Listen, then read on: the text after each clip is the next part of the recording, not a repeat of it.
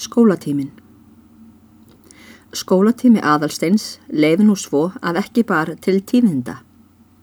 Á sömurinn var hann heima á hofi og gekk til sláttar með öðrum karlmönnum og komst hann brátt upp á að vinna það verk laglega. Hann var kappsamur við vinnuna eins og hvað annað sem hann gerði og líkaði þeim hjónum æg betur við hann. Enda voru þau við hann sem góðir foreldrar og gafu honum öll född sem hann þurfti. Við og við þóttist hann verða var sama kuldans í sambúð þeirra hjóna sem hann hafði áður komist að raun um og tók hann það sárt svo mjög sem hann unni þeim báðum. Þó heyrði hann aldrei neitt mann hafa það á orði og réð hann af því að enginn sæi það annar en hann. Hann hafði það og eigi á orði við nokkur mann. Á haustin fór aðalstein til skólans, þá er tími var til og reið hann hesti sínum sörla á þessum ferðum. Var nú sá hestur fulli riðin og hinn besti gæðingur og sagði síra Þorgrímur að hann þekkti ekki annan hest slíkan sem sörla. Síra Þorgrímur hafði aðalstein oft með sér á sömrum þegar hann ferðaðist um prestakall sitt og reyndu þeir þá tíðum hestana sæti þá aðalsteinn á sörla en síra þorgrimur á stormi. Þá var nærri um reyðskjótana á skeiði. En hefði þeir hestaskipti þá hafði sörli götuna fyrir stormi. Síra þorgrimur ól sörla á vetrum fyrir aðalsteinn og var því hesturinn á hverju hausti sendur heim aftur þegar eigandin hafði riðið honum til skólans. Í skólanum stundaði aðalsteit að bóknámið af miklu kappi og fannst kennendunum mikið um gáfur hans og framfærir. En með því að einn dagurinn er öðrum líkur við slík störf, þá var ekki að vænta að neitt sérlegt drifi á dagana fyrir hinnum unga manni á þeim árum, en það var það ekki svo að við þessa sögu komi. Biskupin og frú hans reyndust honum sem bestu foreldrar lögðu honum til allt er með þurfti og réðu honum heilt. Sjálfur var hann síðhraustur og helsugóður og kendi sér einskis meins. Engan vin eignaðist hann í skólanum slíkan sem haldur. Þótt hann gerðist heldur hláturmildur á vatni og vildi koma aðalsteini til sömu syndar þá fyrir gaf aðalstein honum það brátt og oft myndust þeir á þá ferð sína og játuðu hvor öðrum að kersknin hefði gengið úr hófi því það hefði verið synd að fara svoliðis með gamla mannin. Þótt að reyndar hinsvegar hefði verið lít fyrirgemanlegt af honum að hafa jarðfasta skrínu í húsi sínu.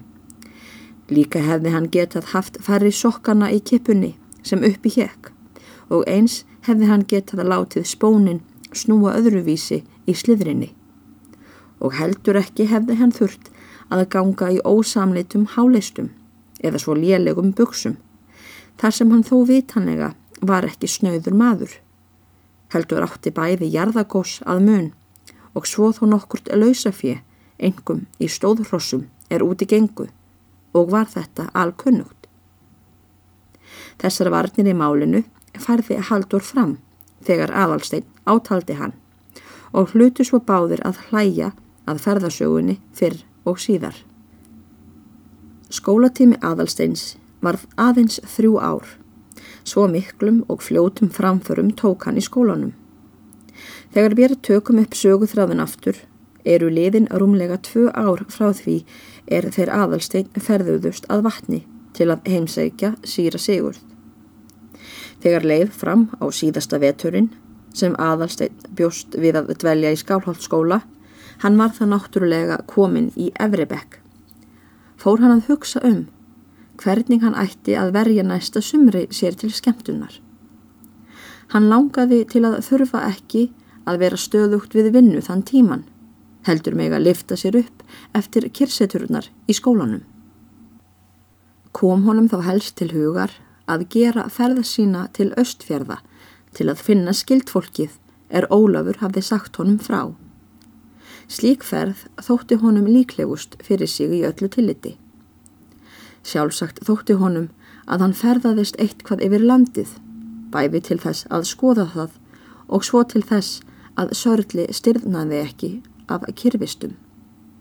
Og hugsaði aðalsteinn gott til þess að reyna klárin ef kostur var í á við orðulagða gæfinga í öðrum sveitum. En hvert skildi þá ferðinni heitið? Sjálfsagt þótti honum þangað er fyrir voru frændur hins unga manns og það frændur er aðalsteinn hafði aldrei séð á æfisinni en þó hirt getið og það að því einu er einmitt mátti vekja forvitni hans og laungun til að sjá þá. Það var því först fyrir ætlun aðalsteins, síðari hluta vetrarins, að hann skildi ríða til östfjörða næsta sumar og var hann þegar á útmánuðum orðin sammældur við skólasvinn nokkur þar austanhað. Ólafur var það ekki því að hann hafi þá tekið burtfararpróf sitt úr skólanum um að þeir skildi verða samferða þegar eftir vorpróf og skildi sá sveit verða leiðsugumadur aðalsteins til áttaka skildfólksins. Bjögust þeir við að vorprófið erði á enda fyrir þingmar í messu eftir því sem menja var til og ætluðu þeir sér að takast þá þegar ferðina á hendur. En sem þetta var full ráðið með þeim sveinunum, þá bar svo til um sömarmálin að aðalstein fekk bref austan af Breðdal. Þetta bref var frá Sigurbjörgu á Næðstabæ sem aðalstein kendi þegar af utanáfskriftinni. Hann braut upp brefið og las efni þess sem fylgir. Næðstabæ, 20. og 8. mars. Elskulegi góði steini minn, Ég er nú farin að skammast mín fyrir hvað ég er pennalöt. Ég og við hérna erum alltaf öðru kvoru að fá breyfin frá þér og þau svo góð og skemmtileg. En það er ekki svo myndin á fyrir mér að ég sé enn farin að skrifa þér til í vetur. Fyrirgefu það steinu minn og taktu það ekki sem óræktar merki frá minni hálfu. Stundum kemur það óneitalega til af einhverju sem skilt á við letina en stundum finnst mér Ég hafi svo margt að hugsa að ég geti ekki komið því við. Nú ætla ég þó að láta verða að því einu sinni og skrifa þér nokkra línur úr því ferðin fellur vestur. Ekki getur þetta bref samt orðið gleðilegt að öllu leiti og skaltu búa þig undir að heyra sorgartíðindi frá hofi. Ég verðað líkjendum fyrst til að flytja þér þau með þessu brefi mínu og segi þér Láti Benedikts, sonar hjónanna Ég er nýkomin neðan að frá jærðarförunni og dó hann fyrir rúminni viku síðan úr flogi. Aðalsteini fannst mikið um þessi tíðindi. Hann var stattur aðleitt inn í borðstofi skólans þegar hann las brefið og mátti sjá að honum brá mjög er hann las þessar línur. Ásjóna hans varð föl og hjartað barðist ótt. Hann hjælt áfram lestrinum á þessa leið. Sjúkdómur Benedikts hafði reyndar nokkuð ágerst í vetur, en þó munu foreldrarnir ekki hafa búist við svo bráðum skilnaði. Eins og þú manst var hann ekki vanur að fá flógin nema upp úr svefni og því var reynd að gjalda varhuga við að hann sopnaði ekki á daginn nema einhver væri þá við hendina til að hjúkru honum ef með þyrti. En nú vildi svo til að hann sopnaði heima svo engin vissi af að degi til í einu dyrloftshúsinu. Móður hans hjælt hann væri frammi í litluhúsinu hjá pappa sínum og leið við nokkuð langur tími svo að hans var ekki saknað. Það stutti meðfram að töluverður gestagangur var á hofi þennan dag og var því síður hugsað að sveininum en það kom það sjaldan fyrir að hann einriði sifjaður á daginn. Loksins var hann saknað og leitað og fannst hann þá þarna liðin. Hafði hann komið þar upp á meðan piltarnir borðuðu skattin að lífandi dagmálum, síðan verið þar einn eftir þegar þeir fóru og hefur hann þá sopnað. Geta mætti þess til að hann hafi ekki þórað að ganga hjálparlaust ofan stígan sem er slæmur eins og þú manst fyrir börn og því hafi hann verið kyrð þarna uppi eftir það er piltarnir fóru. Ég ætla ekki að segja þér frá hvað fóreldrunum varð við. Þú getur því nærri, þar sem þetta barn ef til vill hefur verið þeirra eina ánægja. Ég veit svo mikið að þau hjón hafa nú óvinjulega mikið að bera og það er grátlegt að vita til slíkrar mæðu og renna þó grunn í aðalsteinn að þessi bára sé þó ekki stök. Það var sendt eftir mér um daginn til að skoða líkið og kom ég ofan eftir sem náttúrulega varð ekki til annars en að segja það mitt álit að barnið væri liðið lík. Ég sá þó svo mikið að ég get ömkvað þessi hjón af öllu mínu hjarta. Hér þóttist aðalsteitt skilja að Sigurbjörg myndi hafa orðið hins sama áskinja sem hann um samlendi hjónana á hofi.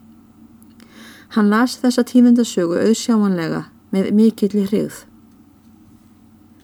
Líkið var jarðað í dag á mýrum, las aðalsteinn framvís. Það var að fátt fólk við, en síra Þorgrimur flutti eftirtektar verða líkræðu. Ekki síndist þó bera mikið á hjónunum, sísta honum, en það mátti þó sjá að bæði voru sár þjáð. Mér sínist prestkonan gangast fyrir með hverjum degi, en hann lifti sér þá heldur upp með því að ferðast eitthvað og hefur hann, satt að segja, verið venju fremur oft á ferðinni í vetur.